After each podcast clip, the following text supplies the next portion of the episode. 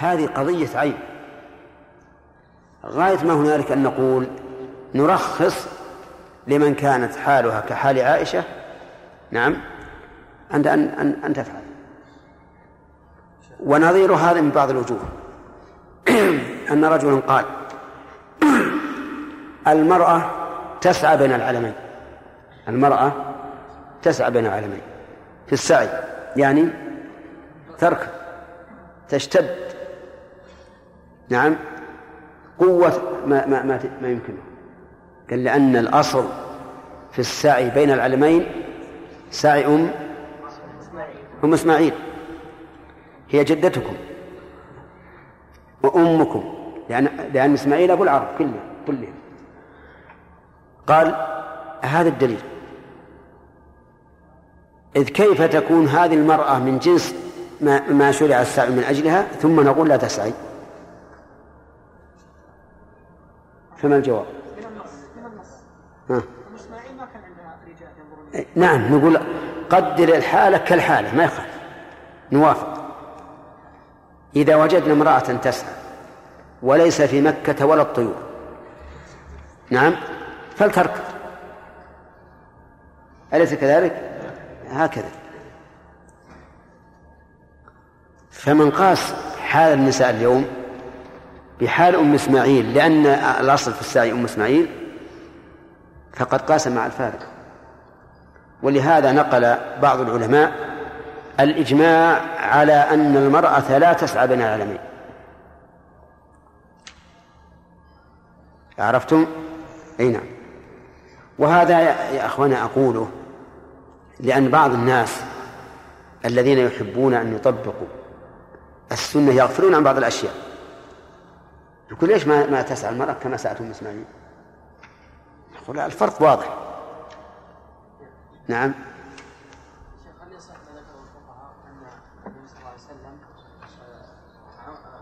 أمر عبد الرحمن أن يعمر عائشة رضي الله عنها من لأن التالي هذا صحيح إي نعم. هذا هذا هذا قاله أظنه طاووس كما في صحيح مسلم. قال الرسول وكان الرسول ينظر إلى إليها ويعذرها.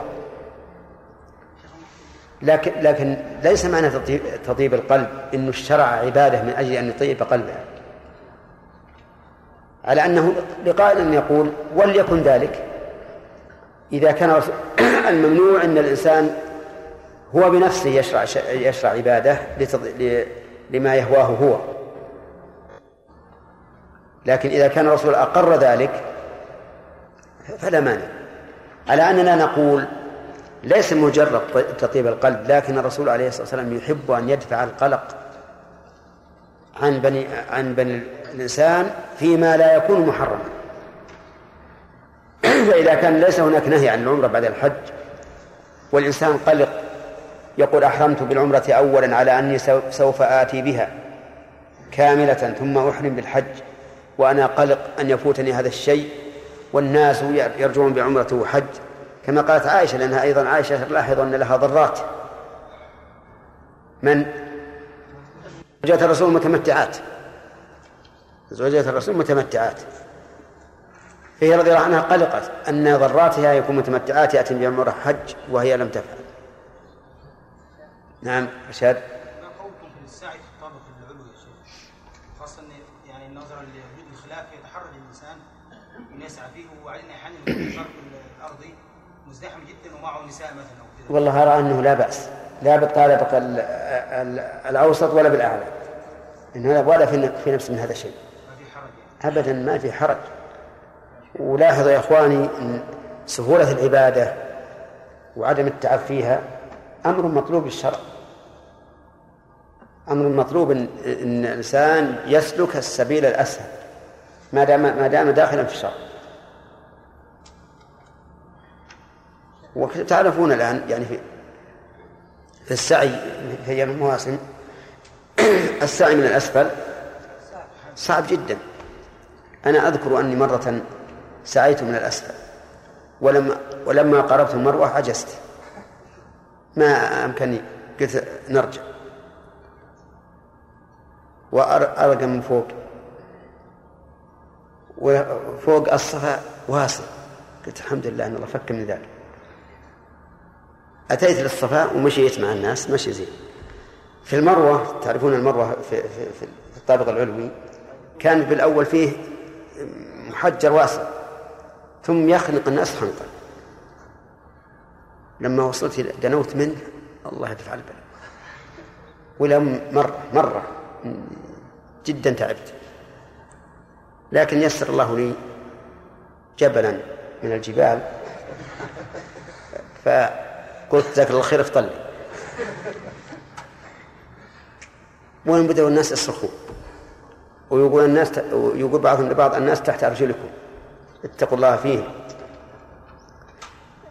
ويعني ما بيني وبين الباب اللي يطلع برا إلا مثل الباب هذا. وقعدنا يجي يمكن حول عشر دقائق ما وصلنا. وحنا في ضنك شديد. المهم يوم وصلناه طلعت مرة تركت السعي قلت إن الله يسر بالنهار ولا لا السطح ما أدري وش ذاك اليوم ما رقيت ومنه مغلق. ما أدري. نعم. إيش؟ لا لا لا. عبدها من جديد.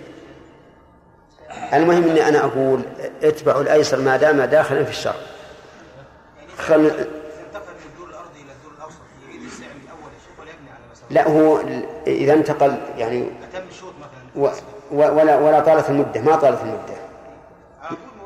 إيه ما طالت المدة بشرط إنه يبدأ من من محله ما عد لأنه لابد يقدر إذا مضى نصف السعي أو ربع السعي يبدأ من محله.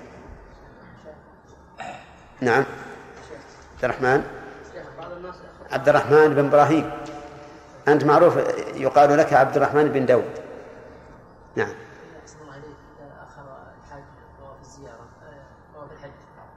اي طواف الزيارة. طواف الزيارة طواف الإفاضة طواف الحج. إلى آخر إلى وقت الوداع. يعني يعني نعم. إي نعم. المقصود بطواف الوداع أن يكون آخر آخر عهدك بالبيت الطواف. يعني ليس واجبا لذاته. نظيره الذي يقربه تحية المسجد. لو دخل المسجد وشرع في فريضة أجزاء لأن المقصود أن يكون أول قدومك للمسجد الصلاة. هذا مثله. لكن بعض الناس أورد على هذا إيراد وقال إن الإنسان إذا أخر طواف الإفاضة إلى عند الخروج وهو قارن أو مفرد وقد سعى بعد طواف القدوم فلا إشكال. صح ولا لا؟ ليش لا إشكال؟ لأنه لم يسعى بعده. لن يسعى بعده. وكذلك إذا قلنا بقول شيخ الإسلام ابن تيمية وهو قول مرجوح أن المتمتع يكفيه سعي العمرة لا إشكال أيضا. لكن إذا قلنا بقول الجمهور وهو الصحيح أن المتمتع لا بد له من طواف العمرة وسائر العمرة وطواف الحج وسائر الحج. فما تقولون فيما لو طاف وسعى نقول لا يوادر. لا يوادر. لماذا؟ لأن السعي هذا تابع للطواف ومدته ليست بطويلة وهو متلبس بعبادة. فيشبه من طاف ثم صلى صلاة الفريضة وقد ثبت أن الرسول صلى الله عليه وسلم طاف للوداع ثم صلى الفجر.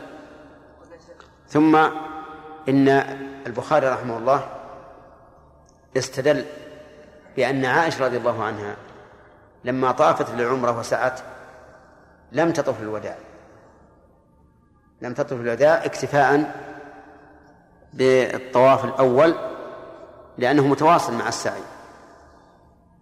طيب لو قال قائل هل تقولون إنه يسعى أولا ثم يطوف ثانيا؟ لأن تقديم السعي على الطواف الحج جائز. نعم. نقول إن قلنا بهذا ففي القلب حسيك منه. لأن الأحاديث الواردة ما سئل عن شيء قدم يومئذ. يعني في ذلك اليوم هو الذي يكون فيه المشقة.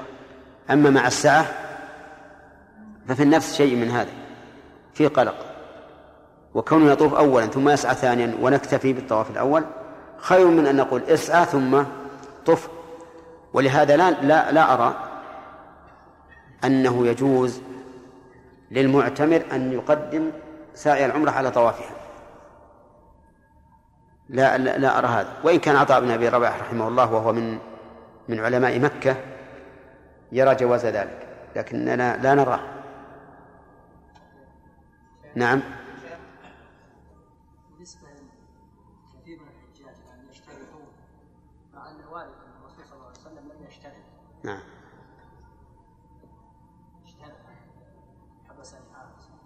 وقال لضباع بن الزبير اشترط قال لضباع بنت الزبير اشترطي هو لم يشترط. ولهذا أنكر ابن عمر الاشتراط إنكارا عظيما. كيف تشترطون؟ تشترط على ربك اجزم على العبادة ولا تشترط. لكن الصحيح في هذه المسألة القول القول المفصل. أن من خاف اشترط يعني من كان فيه شيء يخاف منه ألا يكمل لا يكمل النسك اشترط. ومن ليس فيه شيء فلا يشترط. قال لي قال لي بعض الناس الخطر كثير الآن. الحوادث في السيارات كثيرة. كل إنسان يحرم فهو خائف. قلنا حوادث السيارات لا تعتبر من الخوف. لأنك قدر كم كم في في الموسم من سيارة. نعم؟ وكم يحصل من حادث؟ ليس بشيء بالنسبة لكثرة السيارات. ثم إن حوادث الرواحل والمركوب موجودة في عهد الرسول. أليس أحد الصحابة رضي الله عنهم وقصته راحلته وهو واقف بعرفة؟ هذا حادث هذه حادث على كل حال إذا وجد إذا وجد سبب يقتضي الاشتراط فاشترط. ومن ذلك في العمرة لو خافت المرأة من الحيض وهي ذاهبة للعمرة في رمضان أو غير رمضان وخافت أن تحيض فتحبس قومها. فقالت إن حبسني حابس فمحلي حيث حبستني وجاءها الحيض. ها؟ يصح ولا لا؟ تتحلل وتمشي مع هذا بدون شيء. نعم يا فهد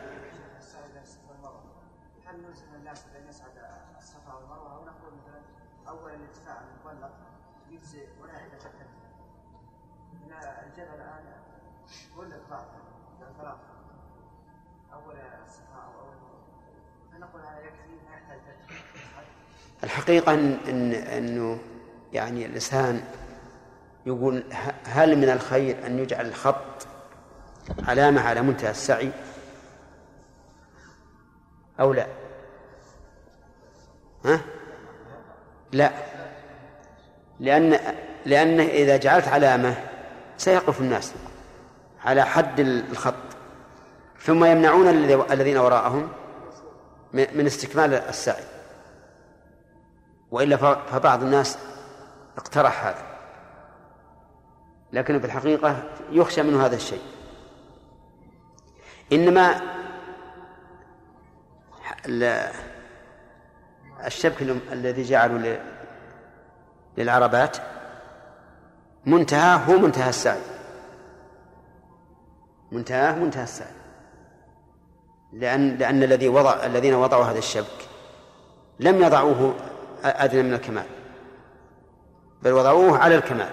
وتعرفون أن الشبك ما ما يصعد إلى إلى منتهى إلى منتهى الجبل وليس أيضا من أول من أول الارتفاع. من عند الصفا صحيح. ينتهي الشبك قبل بدء الارتفاع. لكن في المروة لا. نعم. يطلع إيش؟ ما عليه ما في شيء.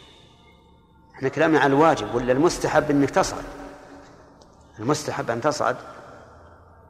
لأنك لو انصرفت قبل الصعود فاتتك السنة من جهة ثم لم تتمكن من الوقوف لتدعو. لأن الناس يدفعونك. نعم.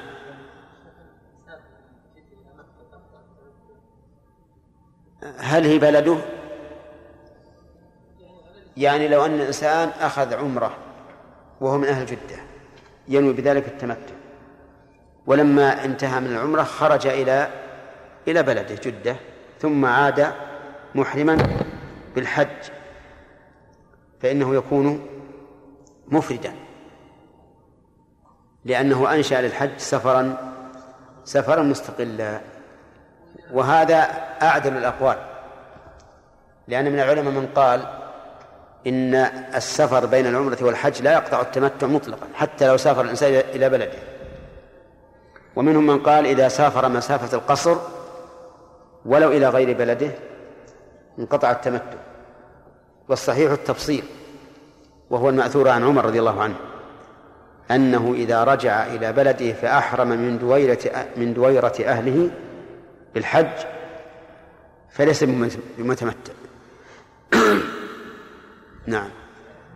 انت الوقت. بسم الله الرحمن الرحيم. سبق الكلام على حديث ابن عمر رضي الله عنهما في طلاق امرأته أنه طلقها وهي حائض.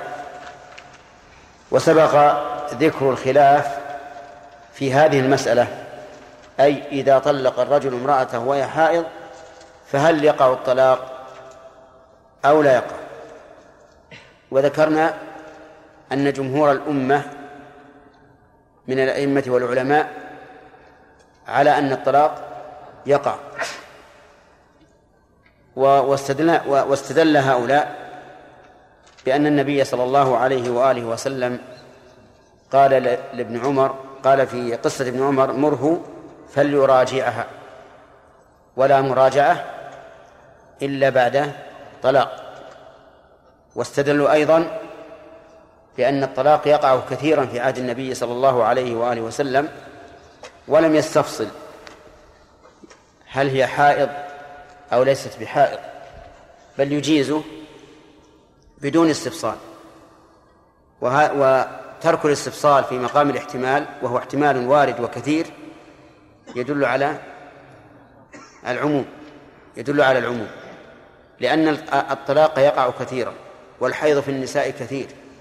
فإذا كان الصحابة يطلقون ولا يستف يستف يستفصلون دل هذا على أن الطلاق يقع في كل حال.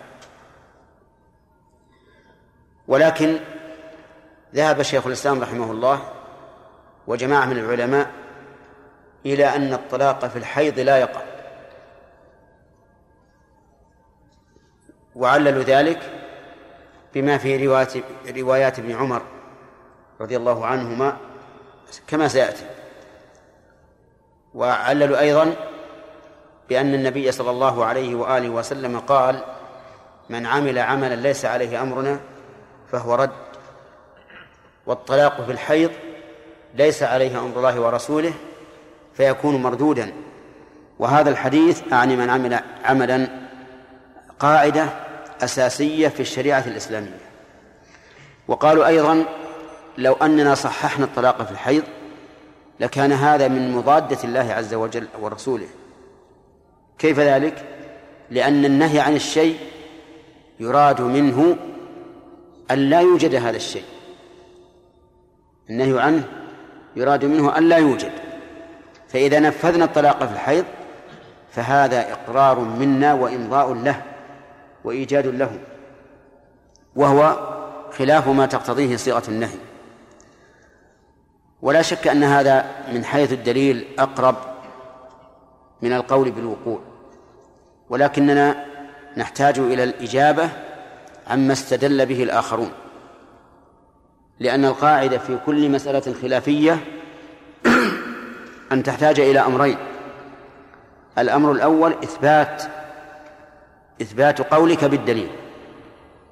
والثاني الجواب عما احتج به مخالفك فإذا وجد الدليل المثبت لقولك والجواب والدليل الذي تدفع به ما احتج به مخالفك تم القول وإلا فلا. فهم يقولون الذين قالوا بعدم الوجوب استدلوا بما سمعتم وأجابوا عن قوله فليراجعها بأن المراجعة في لغة الشرع غير المراجعة في لغة الفقهاء. المراجعة في لغة الفقهاء إعادة مطلقة إلى النكاح. وأما في لسان الشرع فهي رجوع المرأة إلى عصمة النكاح سواء كان عن طلاق أو أو عن غير طلاق.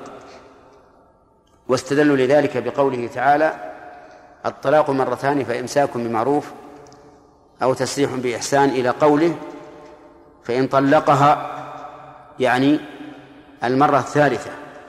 فلا تحل له حتى تنكح زوجا غيره فإن طلقها أي الزوج الثاني فلا جناح عليهما أن يتراجعا أي الزوج الأول والزوجة أن يتراجعا مع أن هذا ليس عن طلاق بل هو عقد نكاح جديد وسماه الله تعالى رجعة فدل ذلك على أن الرجعة في لسان الشرع ليست هي الرجعة في لسان الفقهاء بل هي أعم من الرجعة في لسان الفقهاء. وما قاله شيخ الإسلام أصوب وأقرأ وأقعد يعني أشد مطابقة للقواعد. ولكن يبقى النظر في مسألة صار الناس يتلاعبون بها الآن. إذا طلق الإنسان زوجته آخر طلقة من الثلاث جاء يبحث. يقول لعلي طلقتها أول طلقة وهي حائض. من أجل إيش؟ أن يلغي الطلقة الأولى ويبقى له طلقة لأجل أن يرجع. هذا أنا لا أعتبره ولا أقبله. وأقول ما دمت طلقت أولا على أن الطلاق نافذ. بدليل أن المرأة هذه التي طلقتها لو انقضت عدتها وتزوجت ما ذهبت للزوج تقول هذه زوجتي؟ أليس كذلك؟ هذا هو الواقع بين الناس. فأنت الآن لما ضاقت بك الأمور جئت تبحث عن الطلاق الأول هل هو في حيض أو في طهر جمعتها فيه؟ وهذا كما قال الشيخ عبد الله بن عبد الرحمن باب طين رحمه الله مفتي الديار النجدية في وقته قال إن الإنسان إذا طلق ثلاثا ثلاثا ثم عجز عن المخارج ذهب يبحث عن عقد النكاح لعله مختل الشروط. لعل أحد الشهود يشرب الدخان ولا كذا ولا كذا. نعم علشان يكون غير عدل ويكون النكاح بغير بغير شهود فلا يكون صحيحا. وإذا لم يصح النكاح لم يصح الطلاق. لأن الطلاق لا يصح إلا بعد صحة النكاح. وحينئذ تكون الطلقة هذه لاغية ويتزوجها من جديد. يقول هكذا يفعل بعض الناس يتحيلون. فهذا الرجل الذي طلق زوجته قبل عشر سنوات في حيض. وانقضت عدتها ثم تزوجها ثانية ثم طلقها في حيض. أو في طهر جامع فيه. ثم انتهت عدتها ثم تزوجها بعقد جديد. يشهدون الناس عليه ويحضر محفل ثم طلقها. تمت الطلقات الثلاث ولا لا؟ ها؟ تمت. جاء يسأل يقول أنا طلقتها الطلقة الأولى قبل عشر سنوات في حيض. طيب طلقتها وانقضت العدة وعقدت عليها. كيف تعقد على امرأة وهي زوجتك إذا كنت صادقا؟ فنا ففي هذه الحال لا نفتي بأن الطلاق الأول لاغي أولا لأن قول الجمهور هو هذا. والثاني أن هذا الرجل ملتزم بهذا بهذا القول. ولا لا؟ ها؟ ملتزم. كيف الآن لما ضاقت به الحيل جاء يقول أنا غير ملتزم؟ أنا غير ملتزم. وهذه من الأمور التي ينبغي للمفتي أن ينتبه لها سياسة الخلق بالحق. سياسة الخلق بالحق. وهو أن الإنسان إذا ضاقت عليه الحيل ذهب يتطلب الرخص لعله يتخلص. وإلا فشيء التزمت به. ونحن نعلم علم اليقين أن زوجتك هذه لو تزوجت بعد انقضاء العدة إيش؟ ما طلبت الزوج. قلت هذه زوجتي. أنا أنا طلقتها في طهر في حيض أو في طهر جمعت جمعتها فيه. هذه مسألة يجب أن ننتبه لها. فأنا على أنني أرى أن الطلاق في الحيض لا يقع. إذا جاءني مثل هذه الحال أقول طلاقك نافذ. وإذا كانت هذه آخر طلقة فلا رجوع لك. لا رجوع لك. لأن النبي صلى الله عليه وآله وسلم إنما رد زوجة ابن عمر وهي في في عدتها ما انتهت. ثم إن زمن التشريع غير زمن الوقت الحاضر.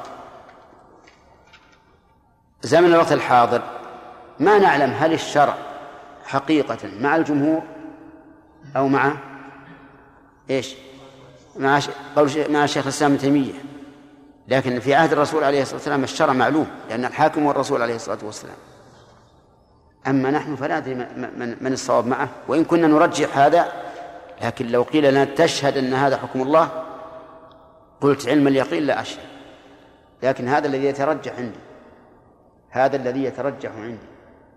أما أن أقول هذا هو الشرع علم اليقين لا. لأن استدلالي إنما هو بإيش؟ بعمومات وتعلمون أن العام دلالته على جماع على جميع أفراده قطعية ولا ظنية؟ ظنية لجواز التخصيص. أفهمتم المسألة الآن؟ فالمسألة نفهمها نظريا ونفهمها تطبيقيا. نظريا نقول لا يقع. تطبيقيا نقول من طلق ملتزما بذلك ومضت مدة فإننا نمضيه. لكن لو أن إنسان طلق الآن في حيض أو في طهر جامعة فيه ثم جاء يسأل قلنا لا, لا, لا طلق عليك. لا طلق عليك ويجب أن تردها. يجب أن تردها لأن الطلاق غير واقع. فهي زوجتك الآن وفي عصمتك. ولا تتلاعب. طيب يقول الحديث فسأل عمر رسول الله صلى الله عليه صلى الله عليه صلى الله عليه عندي بس. صلى الله عليه وسلم. عندكم سلم عن ذلك. فقال مره فليراجعها ثم ليمسكها حتى تطهر ثم تحيض ثم تطهر ثم إن شاء أمسك بعد وإن شاء طلق قبل أن يمس. فتلك العدة التي أمر الله أن تطلق لها النساء متفق عليه. أظن شرحنا هذا. وأخذنا فوائده. طيب. وفي وفي رواية لمسلم مره فليراجعها ثم ليطلقها طاهرا أو حاملا. هذه رواية شرحناها؟ نعم. ها؟ وفوائدها. إذا أيها ها؟ قال عبد الله بن عمر. فردها علي.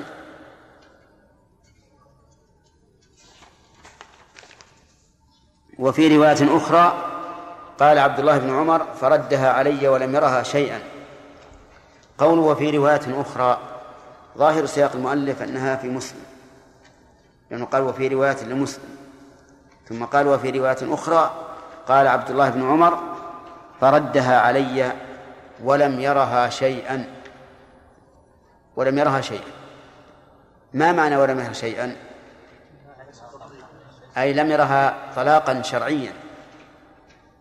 ولم يحتسبها طلقة. هذا هو ظاهر اللفظ.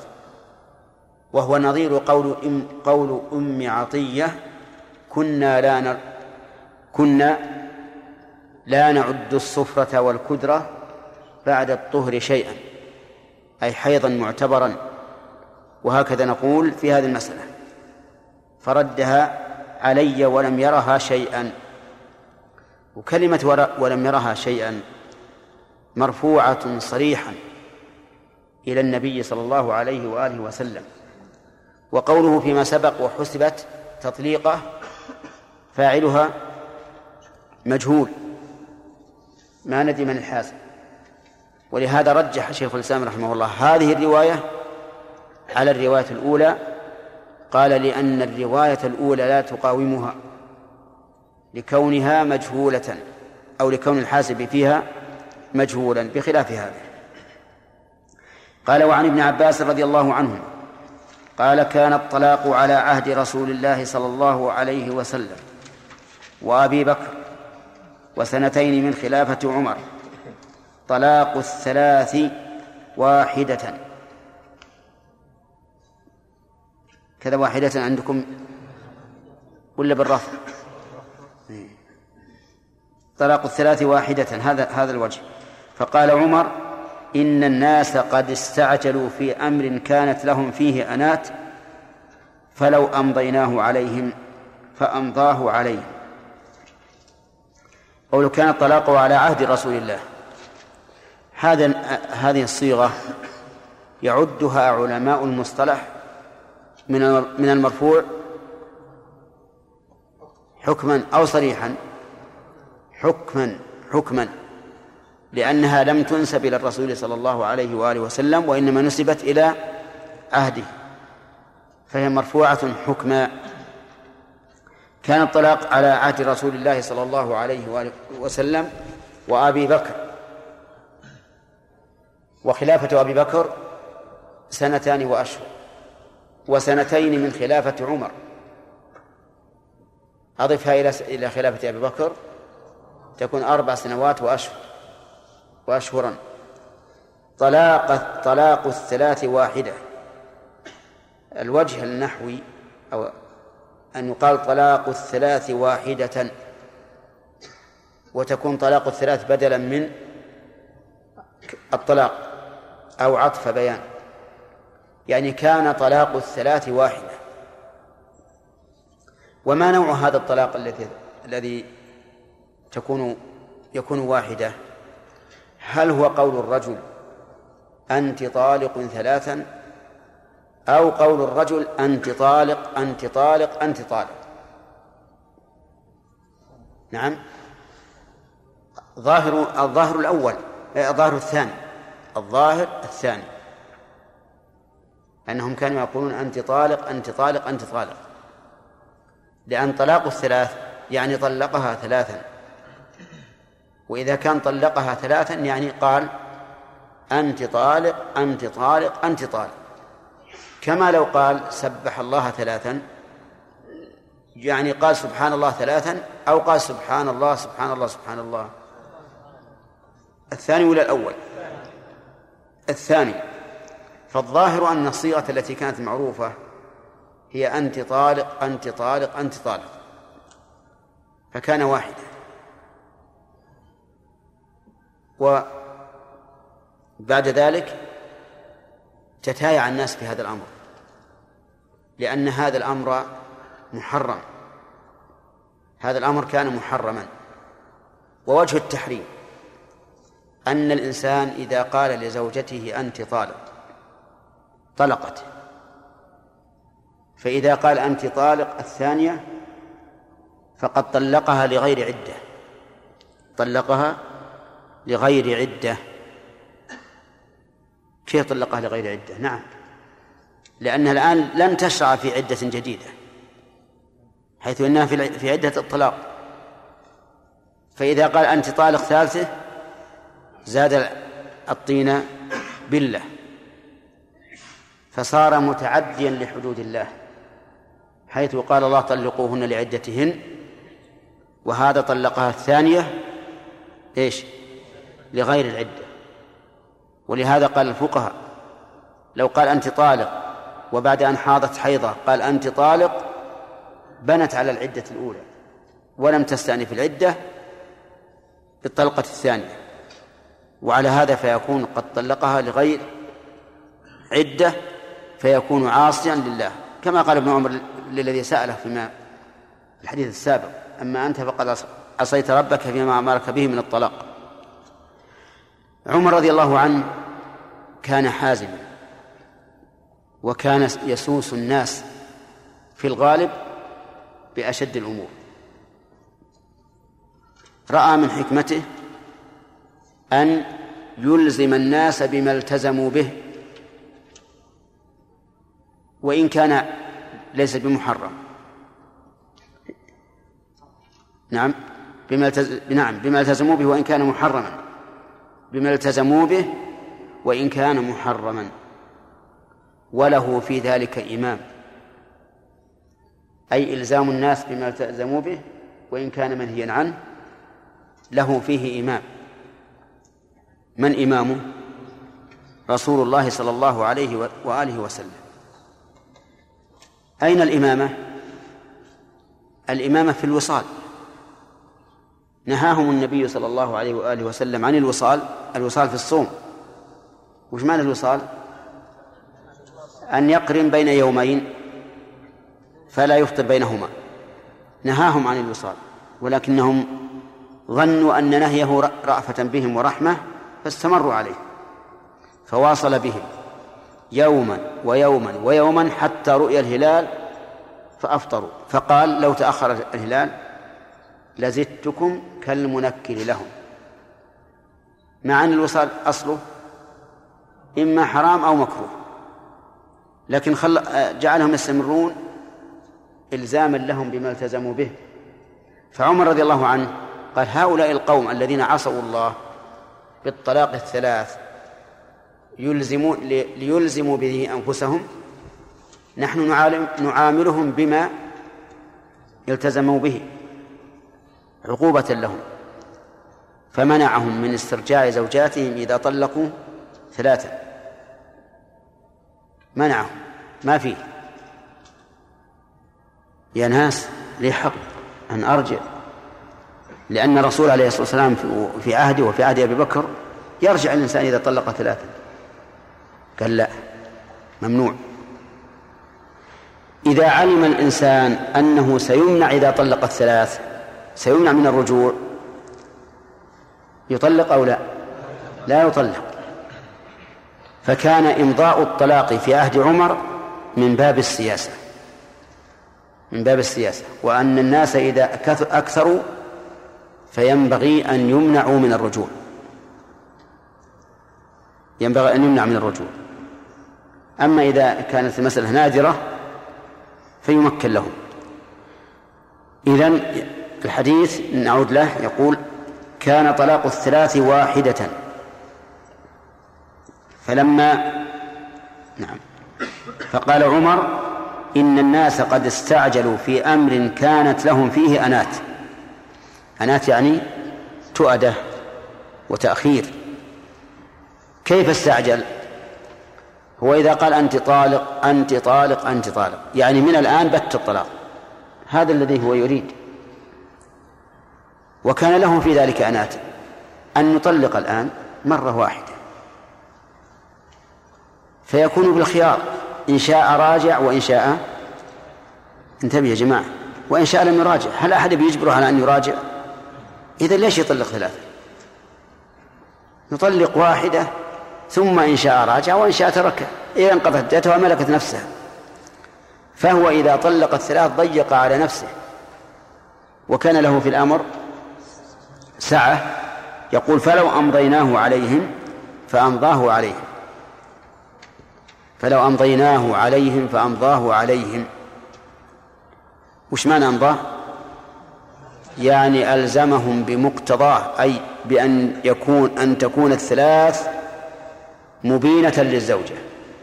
لا تحل له إلا بعد زوج وهذه المسألة مما اختلفت فيه الأمة. فأكثر الأمة ومنهم الأئمة على أن الطلاق الثلاث ثلاث تبين به المرأة. فإذا قال أنت طالق ثلاثا بانت به. وإذا قال أنت طالق أنت طالق أنت طالق بانت به. عرفتم؟ كلام معلوم طيب. لماذا؟ قالوا لأن الرجل طلق بنفسه. قال أنت طالق أنت طالق أنت طالق. كيف نقول ما هذا الطلاق كله لو كررته فهو واحدة؟ وأيضا عمر له سنة متبوعة. عليكم بسنتي وسنة الخلفاء الراشدين. فيتبع في هذا. طيب ماذا نصنع بحديث ابن عباس؟ بعضهم طعن في سنده وبعضهم طعن في دلالته. فأوله وقال إن الطلاق الثلاث واحدة في غير المدخول بها. في غير المدخول بها. كيف؟ لأن غير المدخول بها إذا قال أنت طالق بانت. لأنه ليس لها عدة. يا أيها الذين آمنوا إذا نكحتم المؤمنات ثم طلقتموهن من قبل أن تمسوهن فما لكم عليهن من عدة تعتدونها فإذا قال لها وهي ما دخل عليها ولا خلا بها قال أنت طالق. ها؟ عند آخر القاف خلاص طلقت وبنت منه. فإذا قال ثلاثا ورد على غير زوجة. على غير زوجة. وكذلك إذا قال أنت طالق أنت طالق أنت طالق. بانت بالأولى ولا يلحقه يلحقها ما بعدها. فتكون الطلقة الثانية والثالثة واردة على إيش؟ ها؟ على غير زوجة فلا تحسب فحملوه على ال... على غير المدخول بها. وسبحان الله أن يكون هذا التأويل.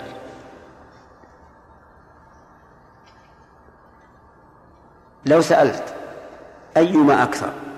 أن يطلق الناس بعد الدخول أو قبل الدخول. ها؟ بعد الدخول ولا قبل؟ بعد. إذن معناه حملنا الحديث على المسائل النادرة وتركنا المسائل الكثيرة. أليس كذلك؟ نقول هذه الصورة التي زعمتم أن أنها مدلول الحديث صورة نادرة. فكيف تحملون الحديث عليها؟ وما هذا إلا كحديث آخر حمل على النادر وهو حديث عائشة الثابت في الصحيحين. من مات وعليه صيام صام عنه وليه. حمل على أن المراد به إيش؟ النذر. يعني من مات وعليه صيام نذر صام عنه وليه سبحان الله لو سألنا أيما أكثر أن يكون على الإنسان صوم النذر ولا صوم رمضان؟ يا جماعة صوم رمضان؟ نعم لأن النذر متى يكون؟ ورمضان كل سنة يتكرر. فسبحان الله أن يحمل على النذر وهو الأمر النادر ويترك الأمر الكثير. لكن هذا سببه العلة التي أشرنا إليها فيما سبق وهي أن يعتقد ثم يستدل. إذا اعتقد الإنسان ثم استدل فالله يعينه على التحريف والتأويل أو الله يكف عن التحريف والتأويل. نعم. لكن إذا استدل ثم اعتقد هذا هو السليم. هذا هو السليم. ولهذا كان القول الصحيح في هذه المسألة في الطلاق الثلاث والقول الصحيح أيضا في صيام في في الصيام عن الميت أنه يكون في الصوم الفريضة الواجب بأصل الشرع والنذر. وكذلك في في الطلاق الثلاث الصحيح أنه لا يكون إلا واحدة وأن حمله على غير المدخول بها حمل للحديث على الأمر النادر وترك للأمر الكثير. ترك للأمر الكثير. نعم.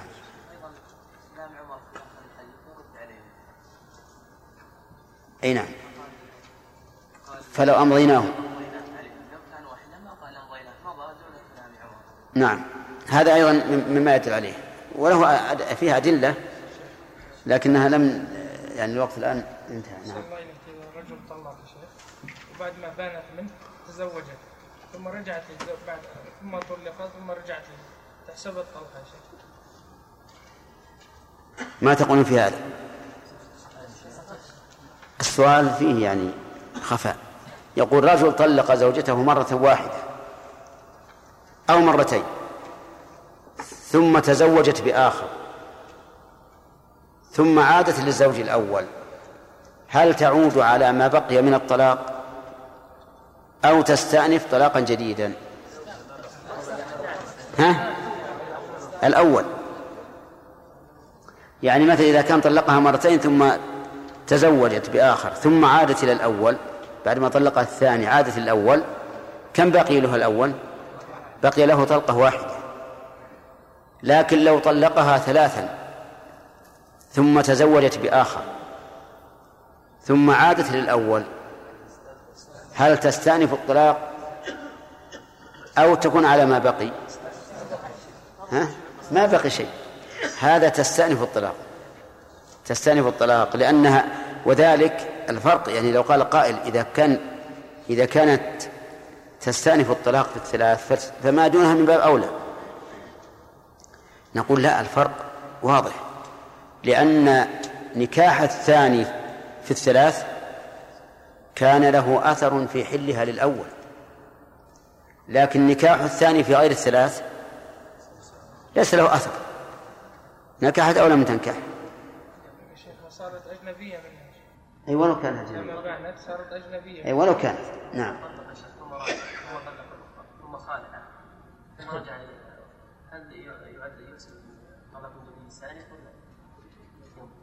سمعتم السؤال؟ يقول طلق ثم راجع ثم طلق ثم راجع ثم خالع. هل تبين منه؟ لا لأن الخل ليس بطلاق.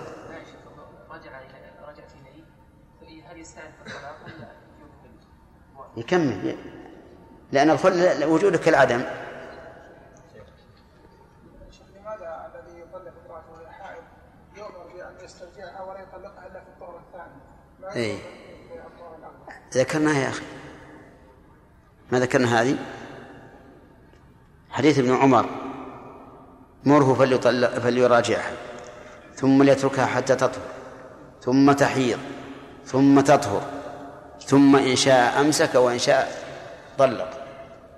هذه رواية. رواية أخرى. مره فليراجعها ثم ليطلقها طاهرا أو حاملا. ذكرنا خلاف العلماء في هذه المسألة. وأن بعضهم قال ثم ليطلقها طاهرا أي بعد الحيضة الثانية. يحمل اللفظ هذا على اللفظ الأول. وبعضهم قال إن اللفظ الأول يعني انتظاره إلى حيضة ثانية ليس على سبيل الوجوب بل على سبيل الاستحباب. فله أن يطلقها في الطهر الأول. نعم. نعم سليم سؤال الرسول صلى الله عليه وسلم عن عن فراسه ولا عن علم؟ وشلون عن فراسة ولا عن علم؟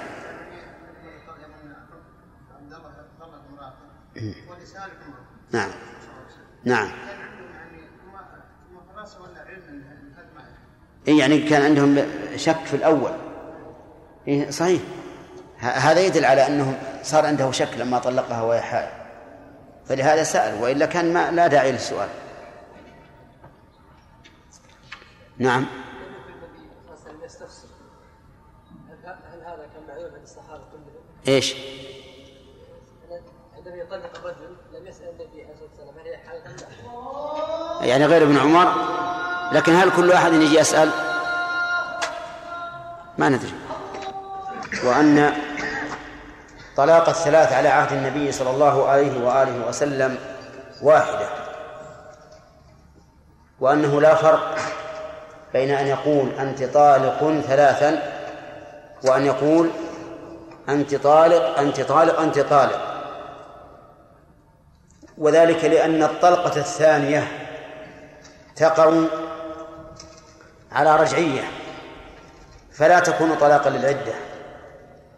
ولهذا لا تستأنف العدة إذا طلقها مرة ثانية بعد الطهر الأول مثلا. تستمر. فلا فلا فلا يكون هذا الطلاق شيئا فيقع طلاقا لغير العدة. وقد قال الله تعالى يا أيها النبي إذا طلقت النساء فطلقوهن لعدتهن. وهي الآن في عدة. فلو فرض أن رجلا طلق زوجته اليوم وحاضت مرتين وبقي عليها حيضة واحدة ثم طلقها فإنها لا تستأنف العدة. بل إذا حاضت الحيضة الثالثة انتهت عدتها. إذا يكون الطلاق الرادف لطلاق سابق طلاقا إيش؟ لغير العدة فلا يقع.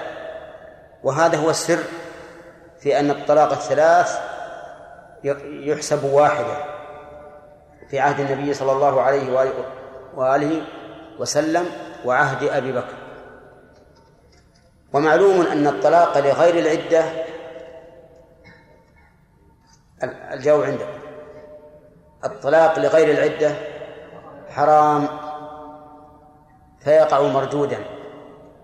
ولهذا لما رأى عمر أن الناس لا ينتهون عنه إلا بأن يلزموا به ألزمهم به. ومنع الإنسان من الرجوع إلى زوجته إذا طلقها ثلاثا.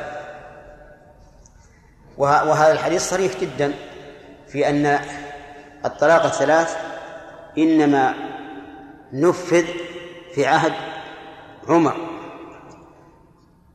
ولهذا قال بعض العلماء لما قيل له إن القول بأن الطلاق الثلاث واحدة قال هذا خلاف الإجماع. فقيل له بل الطلاق الثلاث إذا جعل ثلاثا فهو خلاف الإجماع لأنه ما دام في عهد النبي صلى الله عليه وآله وسلم وعهد أبي بكر وسنتين من خلافة عمر. كل هذه المدة وطلاق الثلاث واحدة ما في خلاف. إذن فهذا هو الإجماع القديم وهذا هو الذي ينبغي أن يعتد به. لكن لما اجتهد عمر رضي الله عنه هذا الاجتهاد تبعه الناس وصار أصحاب أرباب المذاهب على هذا وبقي الخلاف في هذه المسألة غير معروف بين الناس. حتى إن شيخ الإسلام رحمه الله أوذي من جهته. أوذي إيذاء كثيرا وحبس. وتلميذه ابن القيم رحمه الله طيف به على جمل في الأسواق يشهر به. لماذا يفتون بما يخالف رأي السلطان؟ ولكن الحق أحق أن يتبع. الجمهور ليس لهم جواب على هذا الحديث. ليس لهم جواب يغني من الحق شيئا. فمنهم من قال إن هذا في في من لم يدخل بها. من حديث ابن عباس في من لم يدخل بها. لأنه إذا طلق من لم يدخل بها مرة بانت منه. إذ ليس لها عدة.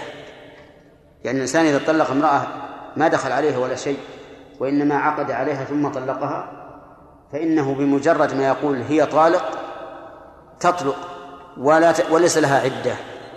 تبين منه فإذا جاء الكلمة الثانية أنت طالق وردت على إيش؟ على أجنبية لأنها انتهت بانت منه فقالوا هذا في غير المدخول بها. وهذا في الحقيقة حمل مستكره لأننا لو سئلنا أيما أكثر الطلاق بعد الدخول أو قبل الدخول؟ بعد الدخول.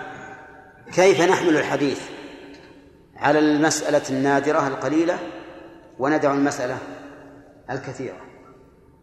هذا حمل مستكرة وهو إلى التحريف أقرب منه إلى التأويل. وقال بعضهم وأجاب آخرون بأن هذا الحديث فيما إذا قصد المطلق بالجملة الثانية التأكيد. فيما إذا قصد التأكيد. يعني لأنه إذا قال أنت طالق أنت طالق أنت طالق وقال أردت التوكيد لم يقع إلا واحد قولا واحدا. فقالوا إنهم كانوا يريدون بذلك التوكيد في زمن الرسول صلى الله عليه وآله وسلم وزمن أبي بكر والسنتين من خلافة عمر.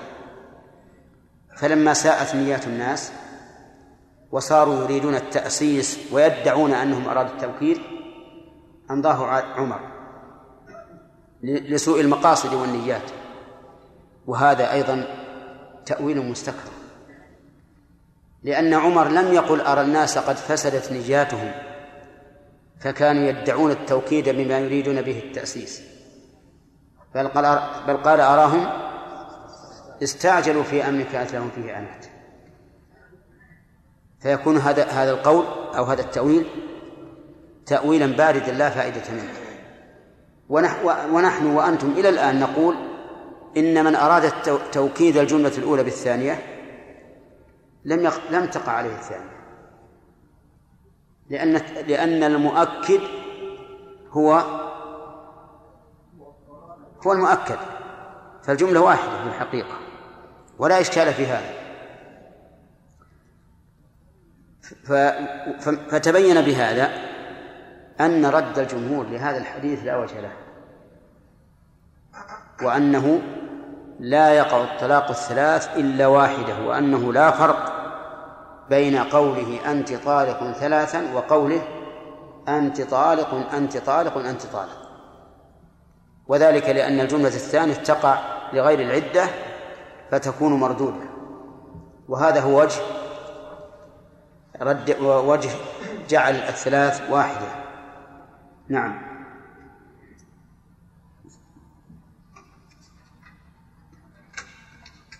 طيب لو قال المطلق أنا أردت الثانية. أنا أردت الثانية. هل تقع عليه الثانية؟ على القول الذي رجحنا لا تقع. لأن نحن كلامنا على إذا أراد الثانية أما إذا لم يرد الثانية وإنما قالها توكيدا أو إفهاما ظن أن الزوجة لم تسمع فهذا ما في إشكال. يستفاد من هذا الحديث فوائد. منها وقوع الطلاق الثلاث. وقوع الطلاق الثلاث. يعني أنه طلاق معتبر. أصبر يا جماعة لا إله إلا الله. خلق الإنسان من عجل وكان عجولا. أن الطلاق ثلاث معتبر. لكن هل يعتبر بوصفه أو يعتبر بأصله؟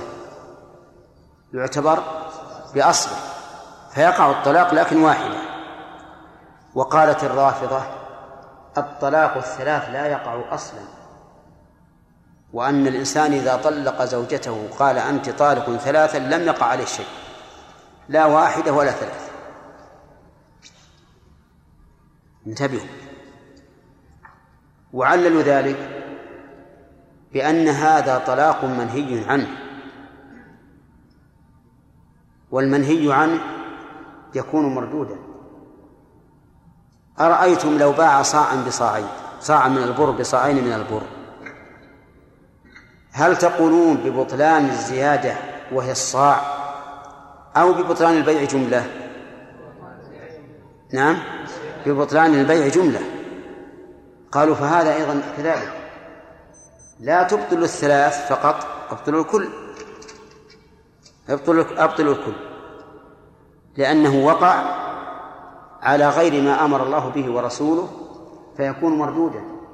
من عمل عملا ليس عليه أمرنا فهو رد. والتحريم إنما هو في إيش؟ التحريم في الوصف. وأنتم تجعلون ما عاد على الوصف كالذي عاد على الذات أو على الأصل. تجعلون ما عاد على الوصف كالذي عاد على الأصل وحينئذ يلزمكم أن تقولوا بأن الطلاق الثلاث غير واقع أصلا. أفهمتم؟ الحجة قوية. لكن لا حجة تصادم النص. فحديث ابن عباس صريح في أنه يقع كم؟ واحدة. فيلغى الوصف ويبقى الأصل. وإذا كان عندنا نص في المسألة بطل القياس. إذا كان عندنا في المسألة نص بطل القياس. فكم تبين لكم الآن من قول؟ ثلاث أقوال. فيه قول الرابع أن هذا في غير المدخول بها. الطلاق الثلاث يقع واحدة في غير المدخول بها ويقع ثلاثا في في المذكور بها. لكن هذا لا يخرج عن القول قول الجمهور في الحقيقة لأن غير المذكور بها تبين بالأول ويقع ما بعده على أجنبية فهو بمعنى القول الأول وإن كان بعضهم يجعله قولا فعلى كل حال نحن نقول إن القول الراجح الذي دلت عليه السنة هو اعتبار الأصل إيش؟ وإلغاء الوصف فيعتبر الطلاق أصله ويلغى وصفه وهو الثلاث إذا قال أنت طالق ثلاثا أو يلغى ما بعد الجملة الأولى لأنه وقع على غير ما أراد الله ورسوله أو غير على غير ما أمر الله به ورسوله فيلغى. هذا هو القول الراجح في هذه المسألة. ثم قال وعن محمود بن لبيد رضي الله عنه قال أخبر رسول الله صلى الله عليه وسلم عن رجل طلق امرأته ثلاثة تطليقات جميعا. يعني قال أنت طالق أنت طالق أنت طالق. بتها جميعا. فقام غضبان. غضبان. الحقيقة كيف ما نبهتون ما كملنا فوائد الأول. نعم؟ ما كملنا فوائد الأول. طيب ما الذي قلنا الفائدة الأولى؟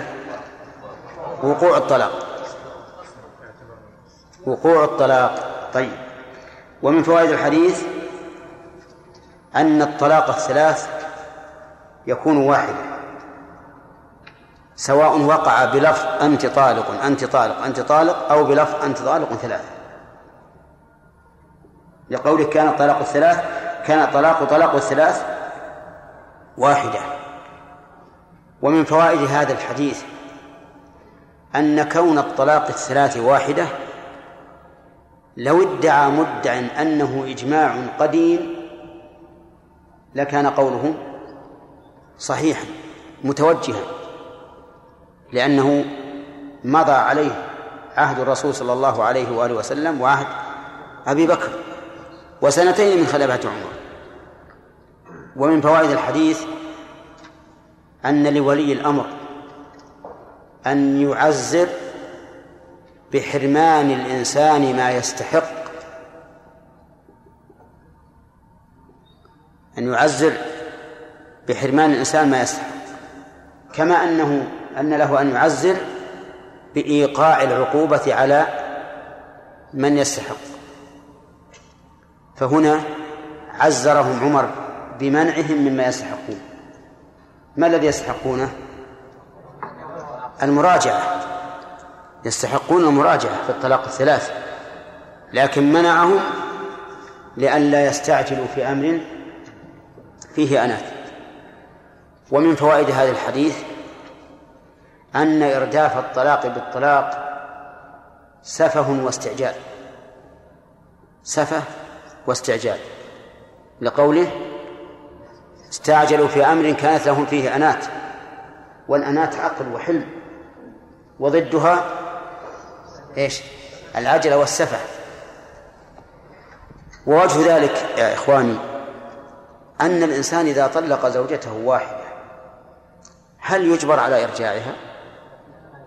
لا يجبر يتركها حتى تنقضي عدتها وحينئذ تبين منه ولا تطالبه لا بنفقة ولا بغيرها فأيما أقرب إلى العقل أن يطلقها طلاقا يكون له فيه أنات وخيار إن شاء راجع وإن شاء لم يراجع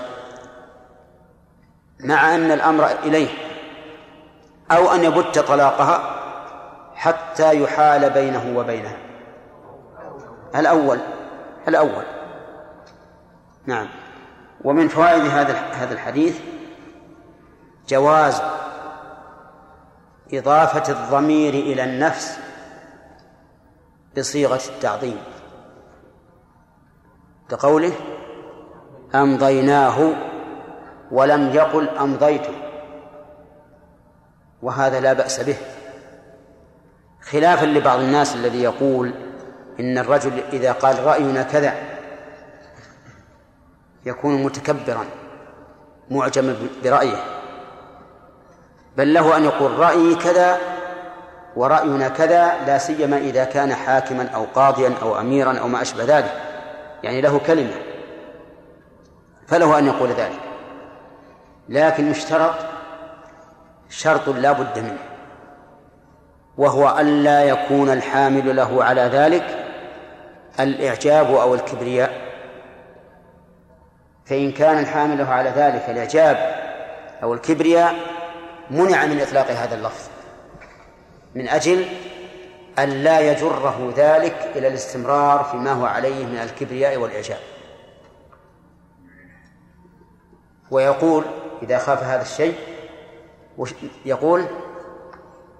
رأيي كذا لو أمضيت كذا حتى يهين نفسه التي شمخت وعلت لأن الإنسان على نفسه بصيرة وهو مؤتمن عليها يجب أن يرآها حق رعايته وأن يقودها إلى ما فيه الخير. وإذا رأى من نفسه أنها تميل إلى شر وإلى فساد وجب عليه أن يكبح جماحها. وليعلم أن النفس الأمارة بالسوء عدوة. فإذا تغلب عليها فهو كانتصاره على عدوه. يكون بعد ذلك له السيطرة التامة على نفسه. يستطيع أن يوجهها التوجيه السليم ويبعدها عن عن المزالق وهذه مسألة يجب على أرباب السلوك العناية بها. الذين يريدون تهذيب نفوسهم وتطهيرها من سوء الأخلاق أن يكون لهم السيطرة عليها. السيطرة عليها. وإذا كانت لهم السيطرة عليها صارت صارت النفوس بأيديهم كالعجينة بيد العاجن من اللين والطواعية. لكن إذا ترك الإنسان نفسه وما هي عليه فإنه في النهاية يعجز عن كبح جماحها لأنها تسيطر عليه. ثم قال وعن محمود بن نبيذ رضي الله عنه قال أخبر رسول الله صلى الله عليه وسلم عن رجل طلق امرأته ثلاث تطليقات جميعا. فقام غضبان ثم قال أيلعب بكتاب الله وأنا بين أظهركم؟ حتى قام رجل فقال يا رسول الله ألا أقتله؟ رواه النسائي ورواته موثقون. قوله أخبر رسول الله. لم يعين المخبر فهو مجهول ولكن هذا لا يضر لأنه لا يتعلق به حكم. الحكم بما قاله الرسول صلى الله عليه وآله وسلم. والذي روى الحكم عن الرسول معلوم أو غير معلوم؟ من هو؟ محمود. محمود بن لبيب وقوله عن رجل طلق امرأته من هذا الرجل؟ غير معلوم. وهل يضرنا جهله؟ لا. لا مو صحابي لا لا يضرنا جهله. لأنه لا يتعلق بمعرفته حكم فجهله غير ضار. يوجد بعض الناس من المحدثين وغير المحدثين من يتعب نفسه في معرفة هؤلاء المبهمين. يتعب نفسه ولكن هذا لا داعي له لأنه يشغله عما هو أهم. صحيح أن المبهم من الرواة تجب العناية به. لماذا؟ لأنه يترتب على علمه قبول الخبر أو رده. لكن مسألة رجل وقعت عليه مسألة فيذكر مبهما لا ليس لنا كبير أهمية في أن نعرف هذا المبهم. طيب وربما يكون الراوي تعمد إبهامه خصوصا إذا كان الشيء مما ينتقد وينكر فإنهم قد يبهمونه سترا عليه. يقول طلق امرأته ثلاث تطليقات جميعا. ثلاثة تطليقات. لا يكون الطلاق إلا بجملة. أنت طالق. فإذا كانت ثلاث تطليقات معناه أنه قال ها؟ أنت طالق أنت طالق أنت طالق. وهكذا لو قال الراوي طلقها ثلاثا فإنه يحمل على هذا. لا على أنه قال أنت طالق ثلاثا. بل أنا في شك هل هذه الصيغة توجد في عهد الرسول عليه الصلاة والسلام أم لا. أنت طالق ثلاثة لأنه مثلا إذا قالوا قالها ثلاثة ألا وشهادة الزور ألا وشهادة الزور؟ قالها ثلاثة. هل معناه أن الرسول ألا قال ألا وشهادة الزور ثلاثا؟ نعم. لا. المعنى قال ألا وشهادة الزور ألا وشهادة الزور ألا وشهادة الزور. هكذا إذا جاءت الصيغة في الحديث طلقها ثلاثا لا شك أن أنه أنه يراد بها أنه قال أنت طالق أنت طالق أنت طالق لأن لأن الذي يقع بالطلاق هي الجملة التامة. لا أن الصيغة أنت طالق ثلاثا. انتبهوا لهذا. فعلى هذا نقول معنى ثلاثة تطليقات جميعا. أنه قال أنت طالق أنت طالق أنت طالق لكن جمع بعضها إلى بعض. فقام أي النبي صلى الله عليه وآله وسلم غضبان. والغضب وصفه النبي صلى الله عليه وآله وسلم بأدق وصف. وصفه بأنه جمرة يلقيها الشيطان في قلب ابن آدم. والقلب منه يظهر الدم. ولهذا تندف تن تنتفخ أوداجه ولهذا تنتفخ أوداجه يعني عروقه المحيطة بالحلقوم. ومن الناس من تحمر عيناه تمتلئ دما ومن الناس من ينتفش شعره. ومن الناس من يكبر وجهه يكاد يتفجر من الغضب. لأن هذه الجمرة جعلت الدم يغلي. يغلي كما يغلي الطعام في القدر. هذا هو الغضب. والغضب صفة كسبية وصفة غريزية. صفة كسبية وصفة غريزية. صفة غريزية يعني أن بعض الناس يخلق سريع الغضب. وبعض الناس يتكلف سرعة الغضب يحب أن يغضب. ولذلك تجده إذا فعل ما يغضبه أحيانا يغضب وأحيانا لا يغضب لأنه أحيانا يغضب ليري الرجل الذي أساء إليه أو الولد الذي أساء في معاملته ليريه أنه قادر على الانتقام منه فيغضب. وأحيانا لا. ومع ذلك فإن النبي صلى الله صلى الله عليه وآله وسلم قال له رجل أوصي يعني اعهد إلي بشيء ينفعني ويهمني. قال لا تغضب. قال أوصني قال لا تغضب. أوصني قال لا تغضب.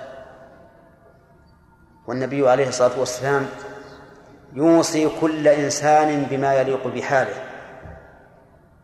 فكأن هذا الرجل معلوم أنه سريع الغضب. فلهذا أوصاه النبي صلى الله عليه وآله وسلم بترك الغضب وكرر مرارا وهو يقول لا تغضب. هل المعنى لا يكون لا, لا يعتريك الغضب أو لا تنفذ الغضب. نعم.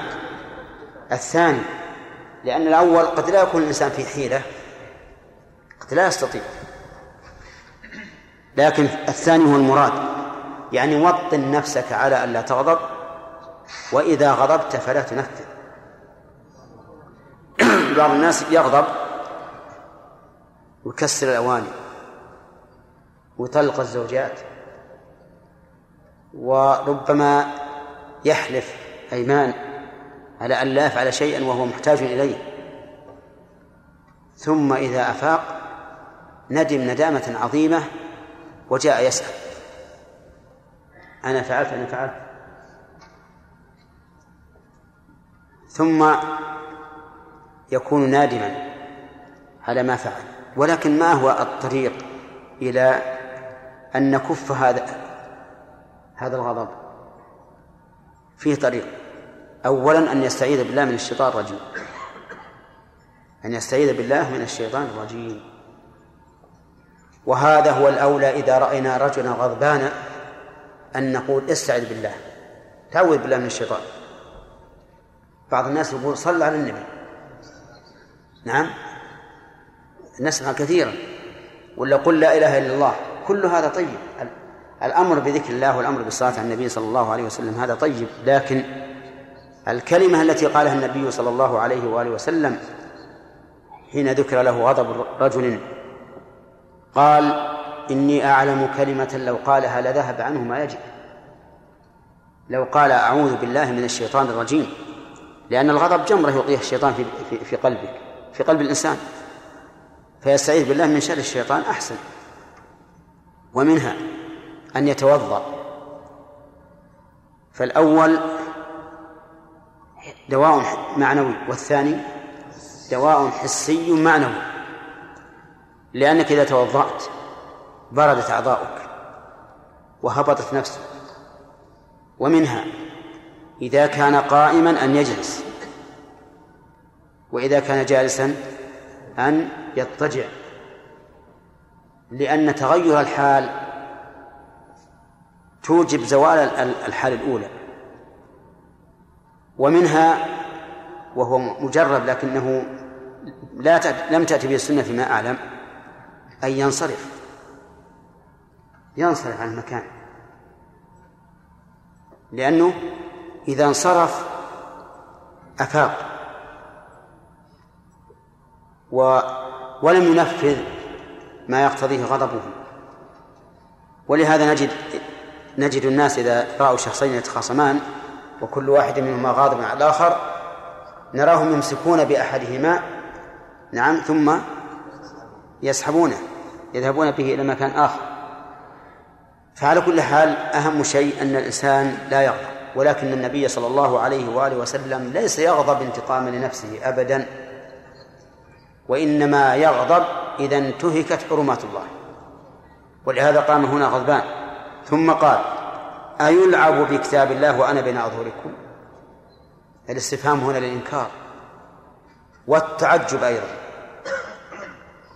أما الإنكار فإنه ينكر على كل من لعب بكتاب الله. وأما التعجب فيتعجب الإنسان كيف يلعب بكتاب الله وأنتم بي ورسول الله صلى الله عليه وآله وسلم الذي ينزل عليه الوحي بين أظهركم؟ هذه حالة غريبة تدعو إلى العجب. وقول بكتاب الله يعني القرآن. ووجه كونه لعبا بالقرآن أن الله قال الطلاق مرتان. أي مرة بعد مرة. والجملة خبرية لكن معناها الأمر. يعني طلقوا مرة بعد مرة. لا تطلقون مرات متتابعة.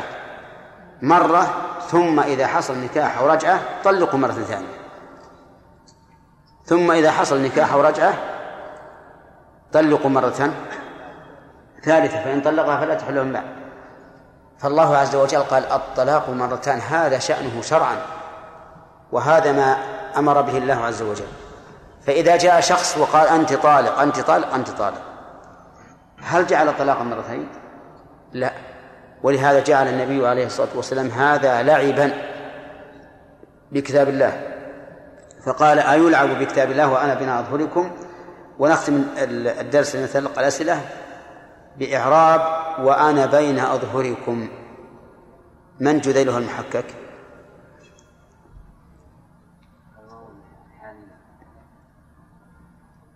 تغنون الجملة الحالية يعني والحال أني بين أظهركم. نعم. سؤالك؟ لو أن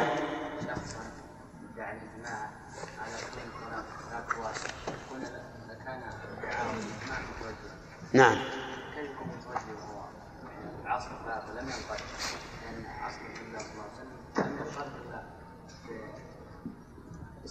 والعلم إيه.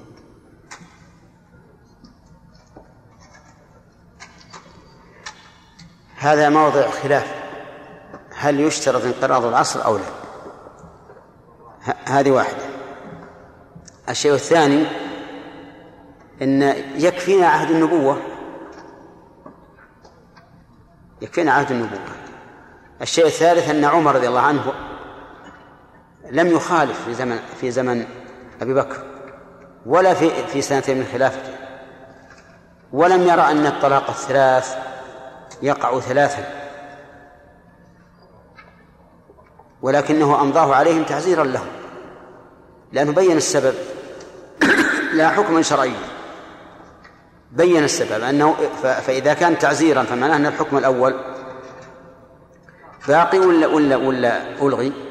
باقي. لكن نعزرهم لأنهم لأجل أن يمتنعوا. نعم. محمد؟ ما قال عمر ها؟ لماذا لا ما قال عمر آه، في زوجة العلة وأن وأن أعماله سنة متبعة لماذا نقول بقول؟ أحسنت. هذا سؤال وجيه. وإيراد وارد.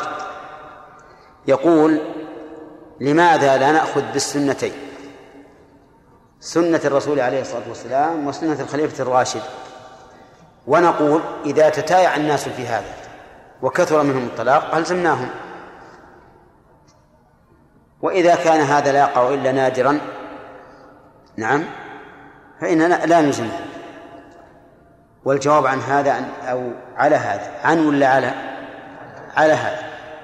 أن نقول هذا محل اجتهاد. محل اجتهاد.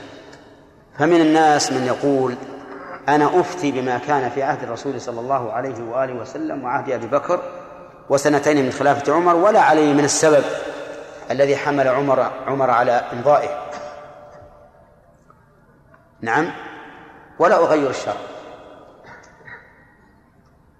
ومنهم من يرى أن نتبع السنتين ونقول إذا رأينا أن الناس تتايعوا في هذا الأمر ولعبوا بكتاب الله أمضيناه عليه وطردناه.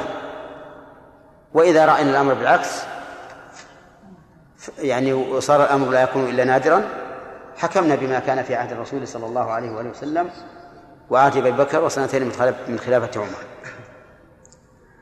وهذا لا شك أنه وجيه فيما إذا كان القول انتبه محمد هذا وجيه تسمع وتكتب ما شاء الله. قلب في اليد وقلب في الأذن. هذا وجيه فيما إذا كان قول القائل فصلا. إذا كان قول القائل فصلا هذا وجيه. أما إذا كان قول القائل غير فصل بمعنى أنه أفتى أو ما أفتى يروح شخص آخر.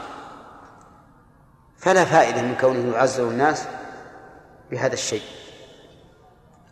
لأن لأنه لا يعد تعزيرا. إذا قال لا تراجع ما لا, لا تراجع لأن ما من المراجعة قال القى غيرك راح لعالم آخر وأفتاه أما فعل أما قول عمر وإلزامه فهو إيش؟ فصل ما حد يعترض عليه. وعلى كل حال هذه الحقيقة اللي قال الأخ محمد لا شك أنه وارد. وأنا إذا جاءني شخص قد طلق قبل ذلك ثلاث مرات يعني ثلاثا ثم جاء مرة ثانية وطلق ثلاثا ما أفتيه ما أفتيه أقول اذهب إلى غيره.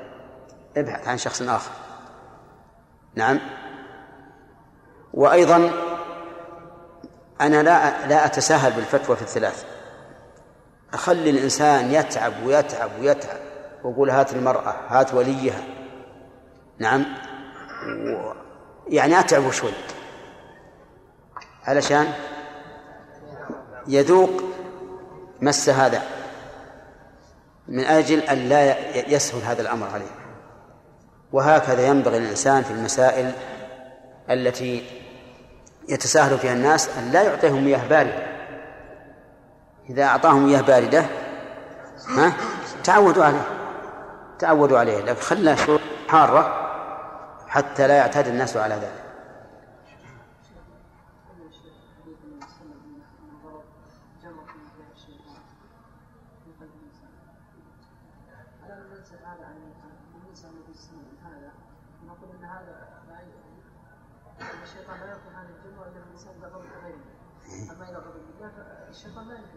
نعم.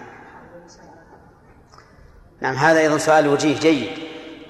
يقول كيف نقول يعني أفلا يجوز أن نقول قول إن قول الرسول صلى الله عليه وسلم إن الغضب جمر الشيطان في قلب ابن آدم يحمل هذا على ما إذا كان الغضب لغير الله. وأما الغضب لله فيستثنى من ذلك لأنه وقع من الرسول عليه الصلاة والسلام. ولأن الشيطان لا يمكن أن يحمل الإنسان على أن يغضب لله بل قد يفتر الإنسان عن الغضب لله وعن الغيرة له. وهذا التخصيص نعم له له وجهة نظر. نعم. بعض الناس قد يحتج فقال يا رسول الله لا فعل عمر ما بعد وصلنا يا رجال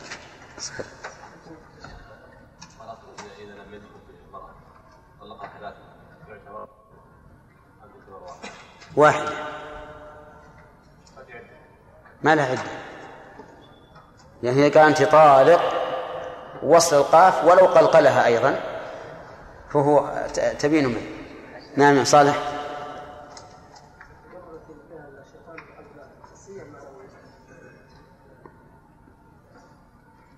لا هي لا شك إنها حسية معنوية. هي ليست من جمر الغضاء عرفت؟ يعني ما هي حسية الواحد ما يحس بأنه لطعه لطعته الجمرة لكنه يحس بضيق. وحرارة عظيمة. لا فهي جمرة تليق بالحال. نعم. إيه لأن الدم يفور. الدم حتى بعض الناس إلى إلى غضب يحس كأنه هو بيمشي على الأرض. ما هو بيمشي على الأرض. بعض الناس من شدة الغضب يعني يكون أشياء غريبة. ير ينقز هذا كذا ويضرب بالأرض.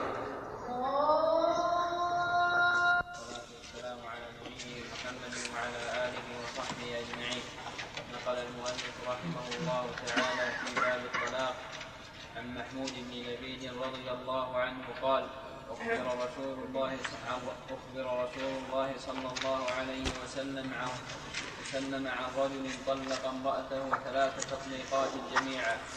فقام غضبانا ثم قال أيلعب بكتاب بكتاب الله وأنا بين أظهركم حتى قام رجل فقال يا رسول الله ألا أقتله؟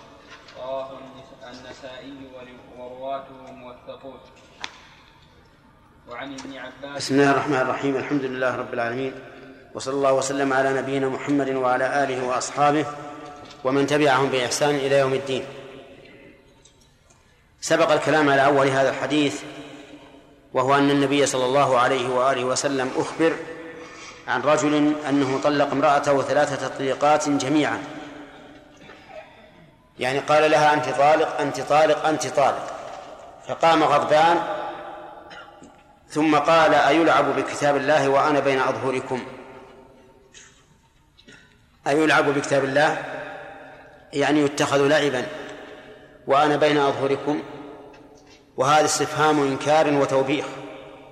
لأنه إذا كان هذا والرسول صلى الله عليه وسلم بين أظهرهم فكيف إذا مات؟ يكون أشد. ولذلك كانت المخالفة في الزمن الأول في عهد الصحابة أشد من المخالفة في من بعدهم لأنهم شاهدوا الرسول. ولأن الشريعة مبنية على امتثالهم وعلى انقيادهم. ولهذا غضب النبي صلى الله عليه وآله وسلم حين أمرهم أي أمر الذين أتوا بالحج والعمرة أو أفردوا الحج ولم يسوقوا الهدي أمرهم أن يجعلوها عمرة. ولكنهم آه تكلموا مع النبي صلى الله عليه وسلم في شأن ذلك لأنهم كانوا لا يعرفون العمرة في أشهر الحج. حتى غضب عليه الصلاة والسلام. فكان فكان واجبا على الصحابة أن ينفذوا ما أمرهم به من أجل أن تتقرر السنة.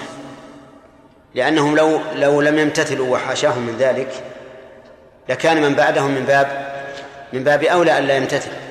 ولهذا كان القول الراجح في هذه المسألة أعني مسألة فسخ الحج القران إلى إلى عمرة للتمتع أو الإفراد إلى عمرة للتمتع كان واجبا على الصحابة الذين جابههم النبي صلى الله عليه وآله وسلم بذلك.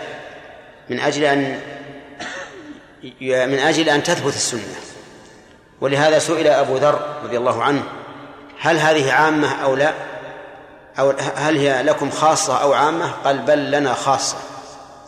ويحمل كلامه على أن المراد بقوله بل لنا خاصة يعني وجوب لئلا يعارض قول النبي صلى الله عليه وسلم حين سأله سراقة بن مالك بن جعشم قال ألعامنا هذا أم لأبد؟ قال بل لأبد الأبد. وهذا هو ما ذهب إليه شيخ الإسلام ابن تيمية رحمه الله وهو أحسن مما ذهب إليه تلميذه ابن القيم بوجوب فسخ الحج حج القرآن أو الإفراد لمن لم يكن معه هدي.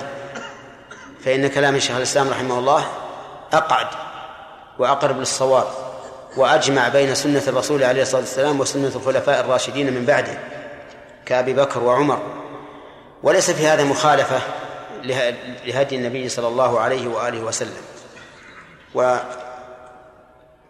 والموفق من وفقه الله تعالى للفقه في الدين دون أن يأخذ بظواهر الألفاظ لأن الشريعة كاملة لها قواعد ومعاني عظيمة.